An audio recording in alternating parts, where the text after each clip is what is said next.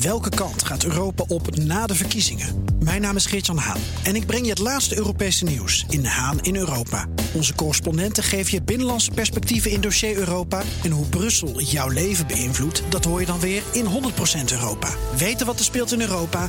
Luister naar de programma's van BNR. BNR Nieuwsradio. Bouwmeesters. Paul Lasseur. Welkom bij BNR Bouwmeesters voor de bedenkers, bouwers en bewoners. Elf jaar slechts en dan moet een deel van onze energie duurzaam opgewekt worden. Zodat we over 30 jaar een volledig duurzaam elektriciteitssysteem kunnen hebben. Dat betekent dat ook netbeheerders flink aan de bak moeten, want zij zijn verantwoordelijk voor ons elektriciteitsnet. Maar kan dat net het wel aan, al die zonnepanelen, windmolens en warmtepompen? Het antwoord is keihard nee. Niet als we zo doorgaan als nu. Dat zegt mijn gast Hans Slootweg. Hij is hoogleraar Smart Grids aan de TU Eindhoven en ook directeur netstrategie bij netbeheerder Enexis. Hartelijk welkom. Hallo. Goed dat je er bent. Ja, voordat we de elektriciteitsnetten induiken, vraag ik mijn gast, zoals elke uitzending, naar zijn bouwnieuws van deze week. En jij wilde het hebben over Galeo. Klopt. Nou, wie of wat zijn dat? Uh, mijn bouwnieuws van deze week is inderdaad uh, de lancering van het uh, internetplatform Galeo, Intelligence Hub, waarbij informatie wordt uitgewisseld over bouwprojecten. en ja, ik vind dat een hele goede zaak. Ja, waarom? Wat, wat is dat voor nou, de, de, bouw is natuurlijk een sector die behoorlijk competitief is. En soms ook wel een beetje bekend staat als conservatief. Hè. Heel veel informatie wordt daar al snel als concurrentiegevoelig betiteld. En ja, ik zie dit als een enorme stap vooruit. Omdat ook daar nu toch het inzicht doorbreekt. Dat je samen verder komt dan alleen. En dat je om te vermenigvuldigen ook moet kunnen delen. Hè, zoals de gemeenplaats zeggen. En ja, ik vind het heel goed dat ze deze stap nu zetten. Ook in het licht van de energietransitie. Want het is natuurlijk een enorme uitdaging. En als je dat samen op kan pakken dan gaat het waarschijnlijk soepeler. Dus en het is een idee ja. van een alumnus van de Technische Universiteit Eindhoven. Dat spreekt me dan ook wel heel erg aan. Dat is altijd goed natuurlijk. Maar zo'n zo'n digitaal prikbord, hè, want dat, dat zijn ze ja. eigenlijk... dat uh, zorgt voor veel meer transparantie. En waarom is dat ook voor netbeheerders interessant?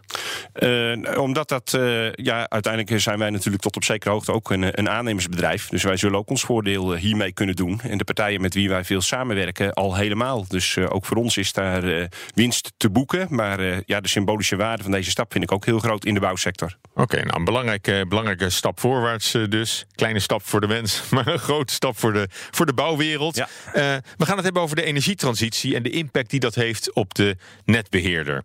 In NRC Handelsblad zei je begin dit jaar al dat het net eigenlijk te vol is. En ja, voor een hoogleraar Smart Grids die zich met nieuwe technologieën bezighoudt voor dat net, klinkt dat dan weer niet erg hoopvol, vind ik. Uh, nou, de, ja, ik vind het meer klinken als een, als een uitdaging. Uh, want uh, het net zit op sommige plekken. Dat moet je natuurlijk onder ogen zien. Lang niet overal. Op sommige plekken begint het net wel echt vol te raken of zit het vol. maar goed, dat zie ik enerzijds als een probleem. vooral voor partijen die initiatieven ondernemen, die nu toch wel in het gedrang mm. komen. Aan de andere kant zie ik het ook als een uitdaging. Omdat de kunst natuurlijk is om toch ook weer een volgende stap te zetten. En nieuwe initiatieven voor duurzame energieproductie ook weer te kunnen aansluiten. Ja, maar is niet juist een probleem dat op plaatsen waar het net al heel erg uh, dicht belast is, dat daar ook heel veel subsidies worden verstrekt aan, uh, aan elektrische autorijden bijvoorbeeld? Uh, nou, het, het, punt zit bij ons niet zozeer in, uh, in de elektrische auto's en de extra uh, elektriciteitsvraag die die auto's veroorzaken. ons probleem zit hem meer inderdaad in de productie van duurzame hmm. elektriciteit uit zonne- en ook windenergie. Ja. nou, bij particulieren gaat dat wel, omdat die ook natuurlijk verbruik hebben. Particulieren verbruiken ook elektriciteit en verbruiken een deel van de elektriciteit zelf. Maar grote projecten die worden ge, ge, zeg maar, um, gerealiseerd op plekken waarvan oudsher weinig elektriciteitsvraag is, waar dus ook het net relatief dun is uitgelegd. Mm -hmm. Dat is op dit moment echt onze grote uitdaging. En uh, ja, daar staan we nu voor de uitdaging om toch ook volgende stappen weer mogelijk te maken na de stappen die nu al genomen zijn. Maar goed, uh, zou je kunnen zeggen dat de subsidies van de minister eigenlijk uh, een, een, ja, een beetje een pervers effect hebben? Nou, ik, uh, ik denk dat dit niet echt een pervers effect is. Kijk, uh, het punt is natuurlijk dat je zoveel mogelijk duurzame elektriciteit wil produceren voor het subsidiebudget wat je hebt. Mm -hmm. Het gevolg daarvan is dat de subsidieregeling zo in elkaar zit dat eigenlijk naarmate jouw kostprijs lager is, jij meer kans hebt op subsidie voor jouw initiatief. Ja. Dus je ziet dat partijen alles eraan doen om die kostprijs zo laag mogelijk te houden. En een van de manieren om dat te doen is natuurlijk jouw projecten te realiseren op plekken waar de grondprijs relatief laag is, omdat die kosten component in jouw eindplaatje dan natuurlijk uh, nou, ja. beperkter blijft. Nou ja, omdat dat een prikkel is die al die partijen natuurlijk uh, ondervinden, gaan ze allemaal naar locaties waar die gronden relatief goedkoop zijn. Nou, dat is natuurlijk vooral in het noordoosten van het land. En daar komen ze nu allemaal naartoe. Dus ja, ik denk dat de prikkel om tegen de laagste kosten te produceren op zich natuurlijk niet pervers is. Ik denk dat dat een hele goede zaak is.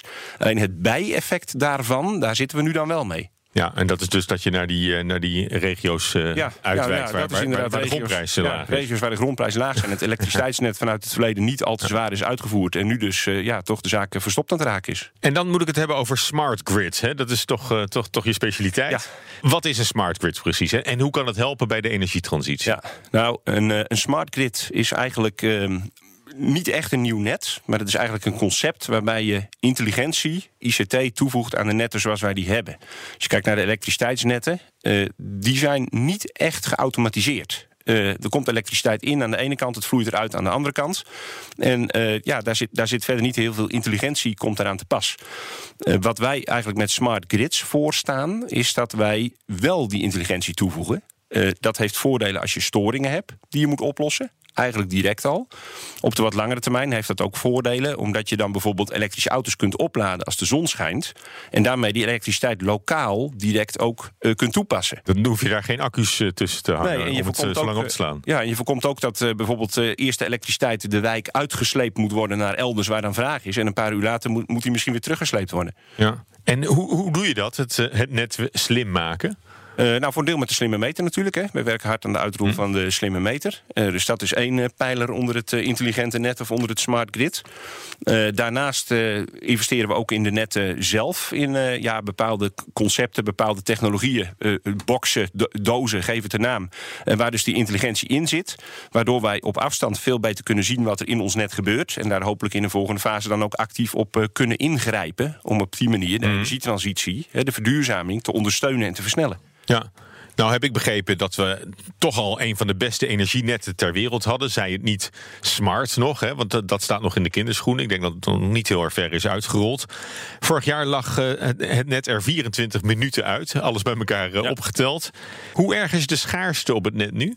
Um, ja, eh, hoe erg. Uh, kijk, uh, de betrouwbaarheid van het net is absoluut niet in het geding. Uh, wat dat betreft, hebben, dat voorkomen we juist door ook aan te geven dat capaciteit nu schaars wordt. Waarmee je natuurlijk overbelasting, files en mm. dat soort dingen allemaal voorkomt.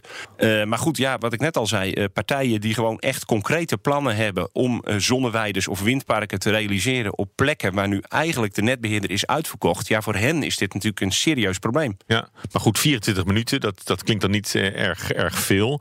Maar kun je zeggen dat het risico dat we door die enorme vraag hè, die ontstaat, ook door die energietransitie, dat het risico uh, ja, toeneemt dat we ineens veel langer zonder stroom zouden kunnen komen te zitten? Nou, wij zien het als de uitdaging om juist dat te vermijden. Uh, wij zien het als de uitdaging als netbeheerders om met behoud van het goede hè, een heel betrouwbaar net. Toch uiteindelijk ook een relatief goedkoop, een kosteneffectief net. Dat is toch ook wel mijn overtuiging. Maar, maar goed, om daarmee de verduurzaming mogelijk te maken. Als je zegt uitdaging, dan zeg je eigenlijk ook van ja, dat is iets waar we, als we niks doen, dan, is, eh, dan hebben we het risico dat er meer blackouts uh, gaan, uh, gaan nou ja, als, als, wij als een kip zonder kop uh, inderdaad alle initiatieven aan het netwerk koppelen die daar nu om vragen en ondertussen geen maatregelen nemen, ja, dan, ja, dan gaat het natuurlijk de verkeerde kant op. Maar goed, dat vind ik gewoon onverantwoord. Dus dat is echt een hypothetisch scenario. Dat doen we natuurlijk gewoon niet, juist om de situatie te vermijden waarin de betrouwbaarheid eronder leidt. Maar goed, die betrouwbaarheid van het net, is die alleen te garanderen als we overschakelen op een intelligent netwerk, op een smart grid? Uh, ik denk dat het uh, alles kan op allerlei manieren in de techniek vaak. Hè, maar ik denk wel dat dat de kost, meest kosteneffectieve en voor de hand liggende aanpak is. Anders moet je gewoon heel veel geld steken echt in netten, in kabels, in transformatoren, in schakelinstallaties. Ja, het prijskaartje daarvan wordt gewoon hoger uh, dan als je daar ook een stuk slimmer mee omgaat. Ja, dus we ontkomen niet aan dat smart grid op Nee, ik uh, zie het als een termijn. fundament onder de energietransitie en de verduurzaming van het energiesysteem. Oké, nou een van de grootste uitdagingen voor netbeheerders, en dat uh, gaf je net al aan, is de verzwaring van het net hè, om aan die toenemende energievraag te kunnen ja. voldoen. Uh, waar zijn die problemen met de verzwaring het grootst? Hebben we het dan over Drenthe en, en Groningen? Uh, op dit moment zijn waar, daar waar die zonnefarms ja, worden, worden opgericht. Ja, ja, daar zijn concreet op dit moment inderdaad de uitdagingen het grootst. Op de middellange termijn, als natuurlijk het elektrisch vervoer een nog hogere vlucht neemt, als we ook verwarming gaan elektrificeren, zul je natuurlijk ook op andere ja. plekken vergelijkbare uitdagingen zien. Maar uh, ja, as we speak is het in het noordoosten van het land zo dat er echt concrete problemen zijn waar partijen met concrete initiatieven last en hinder van ontwinnen. En heel concreet, de kabels zijn daar nog te dun. Uh, Uh, ja, ja, klopt. Ja. En moeten die allemaal opgraven en daar dikkere voor in de plaats leggen? Nou, meestal laten we eigenlijk wat er is, laten wij gewoon ongemoeid en, en in bedrijf. En daar, dat breiden wij verder uit om op die manier extra capaciteit te creëren. En de termijnen daarvoor, hè, kan het binnen die 10 of 30 jaar die het klimaatakkoord voor ogen heeft? Uh, nou, binnen die 30 jaar gelukkig zeker, want anders zou het wel heel uh, troosteloos worden. tien jaar kan soms nog een uitdaging zijn. Het, het, punt is namelijk, als je echt grote uitbreidingen van het hoogspanningsnet wil realiseren, dat je dan aan een behoorlijk zwaar planologisch traject mm. vastzit. Met uh, milieueffectrapportages, archeologische onderzoeken, inspraakmogelijkheden, ja, ja. van alles en nog wat. Ja, dat kost gewoon relatief veel tijd. Dus het bouwen van een serieuze uitbreiding van het elektriciteitsnet kost misschien maximaal drie jaar. Maar het voortraject om daaraan te mogen beginnen kost soms zomaar het dubbele, waardoor je dan in totaal natuurlijk toch op een jaar of tien uitkomt. Ja, ja en juridisch hè, krijgt het dan nogal wat om het lijf. Minister Die kondigde onlangs maatregelen aan die de capaciteit van het net moeten helpen bewaken. En dan gaat het over de nieuwe aanvragen voor SDE Plus subsidies. Hè. Dat is de stimuleringsregeling duurzame energie. Nou, partijen die deze subsidie willen, die moeten een verklaring van de netbeheerder hebben dat stroom ook te transporteren valt. Maar dat geeft netbeheerders weer een, een, een macht die ze eerder nog niet hadden. Uh, ja, zo kun je dat, eh, zo kun je dat duiden. Uh, ja, ik zie dat niet echt als een macht. Kijk, um, het lijkt mij niet verstandig om alsmaar subsidieaanvragen te honoreren op locaties waar eigenlijk dat project gewoon niet gerealiseerd kan worden. Want uh, ja, partijen die projecten willen initiëren, die gaan tijd, moeite en energie steken in iets waarvan het zeer twijfelachtig is of het ooit tot realisatie komt.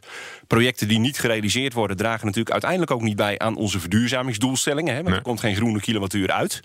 Um, ja, ik ik, zie dat niet als macht. Ik zie dat toch meer als, uh, als verstandig. Uh, dus de netbeheerders staan ook volledig achter dit standpunt van uh, minister Wiebes. Ja. Nou, er loopt een rechtszaak hè, over, die, over die oplossing van, van Wiebes. eigenaren van windmolenparken die komen al in opstand tegen netbeheerders die nee verkopen. Daar gaan we meer van zien natuurlijk. En, en dat zal niet bijdragen aan het tempo waarin dit wordt gerealiseerd. Ja, ja, ja dat, dat is altijd een beetje het ingewikkelde. dit, dit soort groeipijnen, dat hoort natuurlijk bij de transitie. Hè. Op zich vind ik het ook goed nieuws. Want het laat zien dat wij in transitie zijn. Als dit soort dingen niet zou gebeuren, zouden we natuurlijk stilstaan. Dus dat is de positieve kant.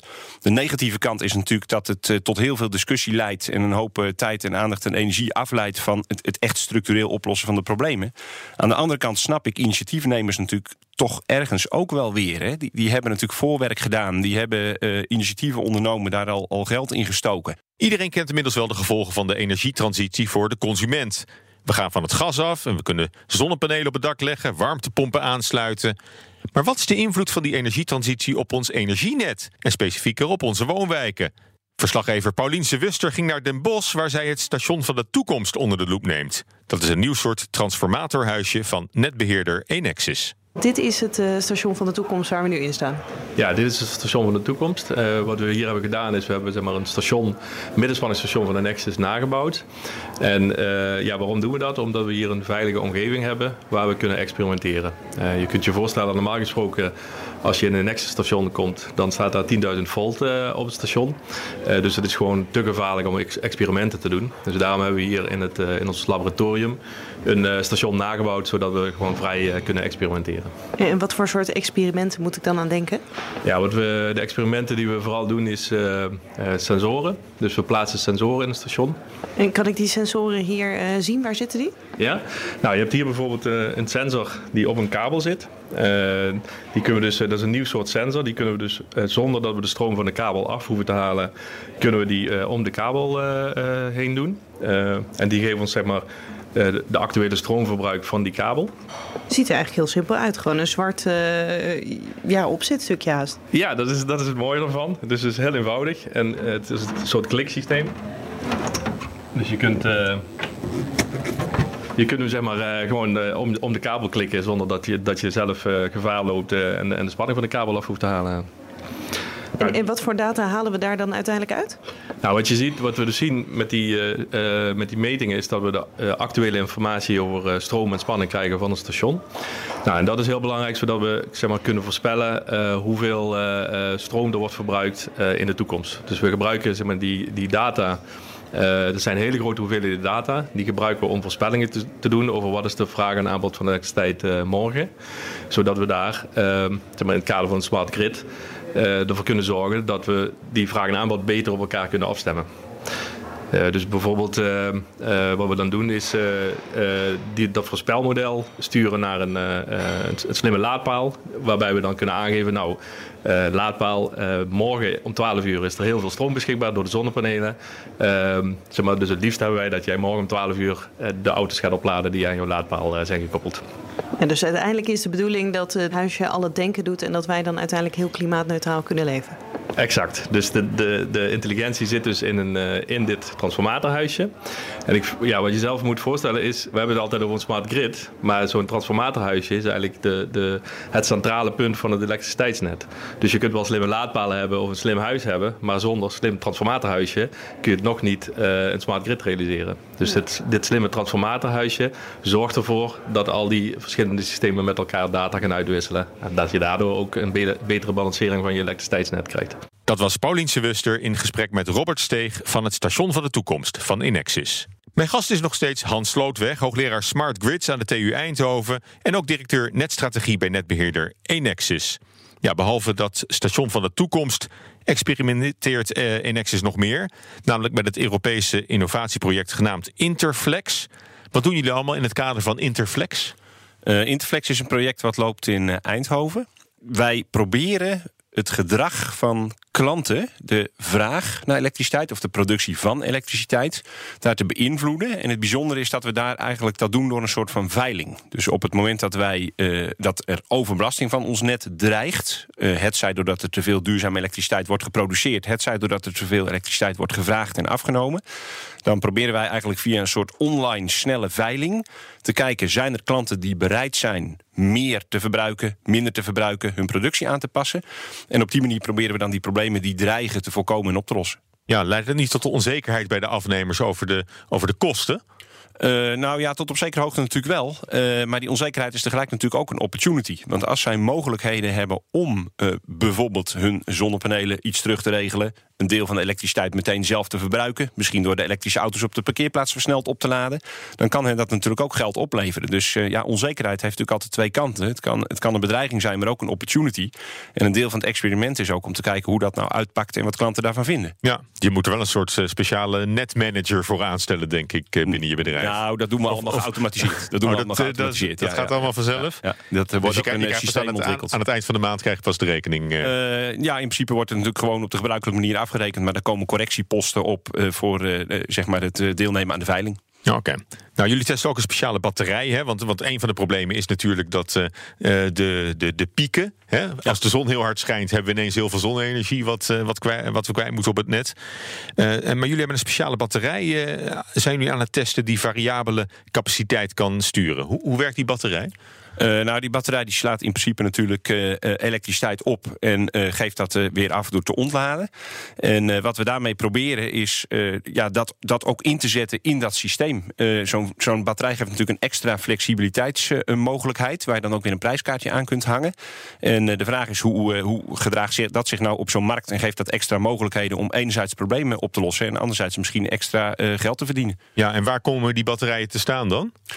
ja, die staan is zoiets als een Tesla Powerwall? Of, uh, nou, hij is wel wat groter. Hij is wel wat groter. We hebben in het verleden ook andere experimenten gedaan. En uh, daar hebben wij batterijen in transformatorhuisjes ingebouwd, zoals ze in de wijk staan. Mm. Uh, wat we dan deden was, uh, uh, zeg maar, die staan normaal op de grond. vervolgens schroeven we ze een vergelijkbaar volume in de grond. En in dat volume plaatsen we dan de batterijen. dat was vooral een technisch demonstratieproject. Dat hebben we eerder gedaan. En nu zijn we aan een volgende stap toe. Kijken hoe een dergelijk systeem zich in een context als het Interflex-project in Eindhoven gedraagt. Oké, okay, want dat, uh, kan, je, kan je dat niet uh, vooraf uitrekenen? Moet je dat echt, uh, echt in de praktijk toetsen? ja, nou ja, kijk, nou komt de wetenschapper in mij natuurlijk ook boven. Hè. een heleboel dingen kun je natuurlijk uitrekenen, simuleren, analyseren. Maar goed, de validatie in een experiment is dan wel heel belangrijk.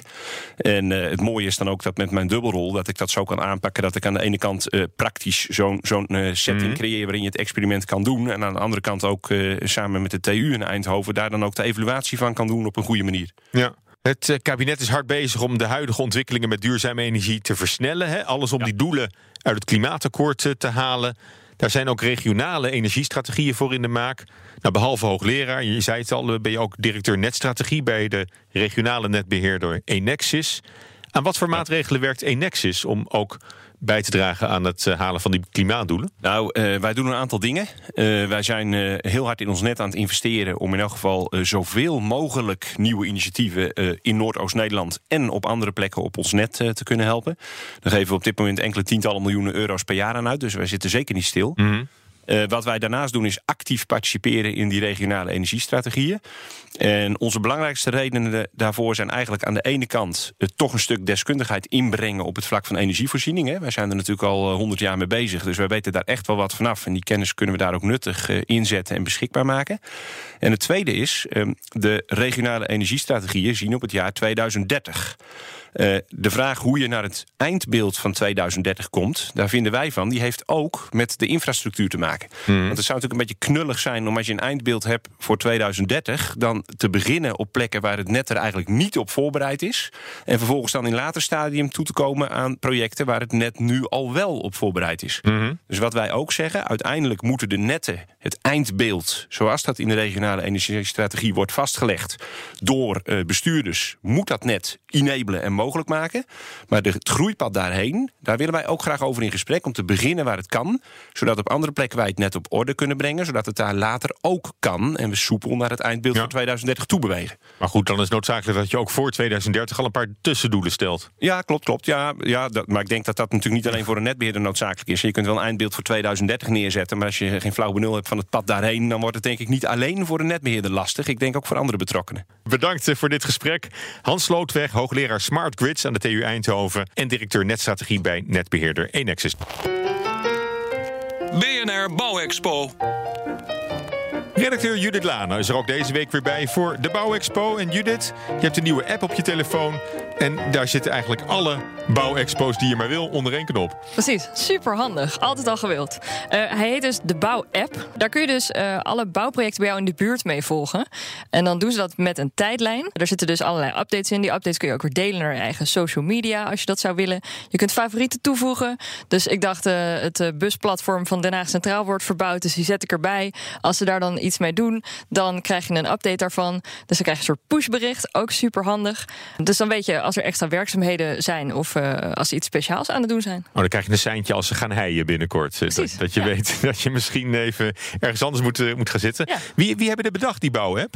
Nou, uh, dat zijn twee vrienden, Paul Frankenhuizen en Mark van der Kooi. En die namen IT'er Martijn Beumers in de arm.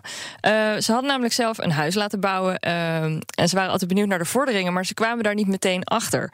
En toen hebben ze contact gezocht met Bouw het Nederland. Toen ging het balletje rollen.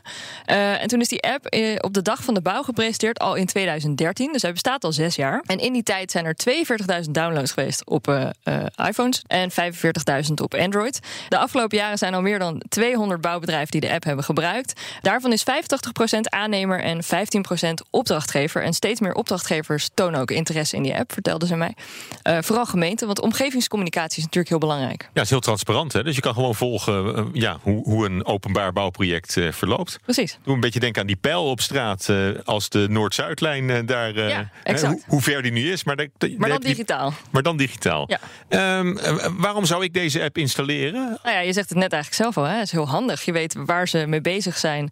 Hoe lang werkzaamheden misschien gaan duren. Ook wat die aard van de werkzaamheden zijn. Dus of je er last van zou kunnen hebben. En dan word je dus als bezoeker of gebruiker of omwonende of een andere partij er iets mee te maken heeft, dus goed op de hoogte gehouden. En wat ik ook erg leuk vond, is dat er dus ook 06-nummers in staan van mensen die verantwoordelijk zijn voor zo'n project. Dus die je ook gewoon kan benaderen als je vragen hebt. Want vroeger was dat natuurlijk niet zo. En dan loop je om zo'n bouwplaats heen en dan denk je, oh, ze maken altijd heel veel herrie. En wie moet ik hier nou voor hebben? Je loopt nooit zomaar zo'n bouwplaats op. En nu heb je gewoon concreet iemand die je daarover zou kunnen bellen. Het is nog interactief ook in zekere zin. Ja. En, en dus je ziet ook een foto van degene die je dan kunt bellen en een Ja. nummer. Dus je kunt ook contact leggen. En in Den Haag, waar jij woont, welke projecten eh, volg je daar eh, met name? Welke staan in je favorieten? Ik heb drie favorieten, Paul. De eerste die noemde ik net al even. Dat is de verbouwing van het busplatform bij Den Haag Centraal. Eh, ook omdat ik er langs liep en er stond dus een hek met een plaatje van die bouwapp. En ik dacht, wat is dat joh? Dus toen heb ik het gedownload. Ik heb ze ook toegevoegd de verbouwing van het Noordelijk Havenhoofd in Scheveningen. Want daar kom ik ook nog wel eens. En ja, wat had ik nog meer? Oh, de, de Mall of the Netherlands In uh, Leidsendam. Is een heel groot nieuw winkelcentrum, wordt ook verbouwd. Oké, dus dat is ook eentje om in, in de gaten te houden. Met ook overal plaatjes en zelfs foto's van, uh, van wat, wat er aan de gang is. Dankjewel uh, Judith, tot een volgende keer. Althans, voor mij was het hem hè, voor, voorlopig. Voor de zomerstop, ja. Ja, voor de zomerstop. In de zomer gaan we door met de beste afleveringen van het afgelopen seizoen. vanaf volgende week dus zes weken lang het beste van bouwmeesters. Eind augustus zijn we er weer. En intussen kunnen alle tips gewoon nog naar bouwmeesters.bnr.nl. En de uitzendingen zijn zoals altijd terug te luisteren via de BNR-app en bnr.nl of als podcast in iTunes en Spotify. Blijf bouwen! BNR Bouwmeesters wordt mede mogelijk gemaakt door Bouwend Nederland. De bouw maakt het. Ook Bas van Werven vind je in de BNR-app. Ja, je kunt live naar mij en Iwan luisteren tijdens de ochtendspits. Je krijgt een melding van Breaking News. En niet alleen onze podcast Ochtendnieuws, maar alle BNR-podcasts vind je in de app. Download nu de gratis BNR-app en blijf scherp.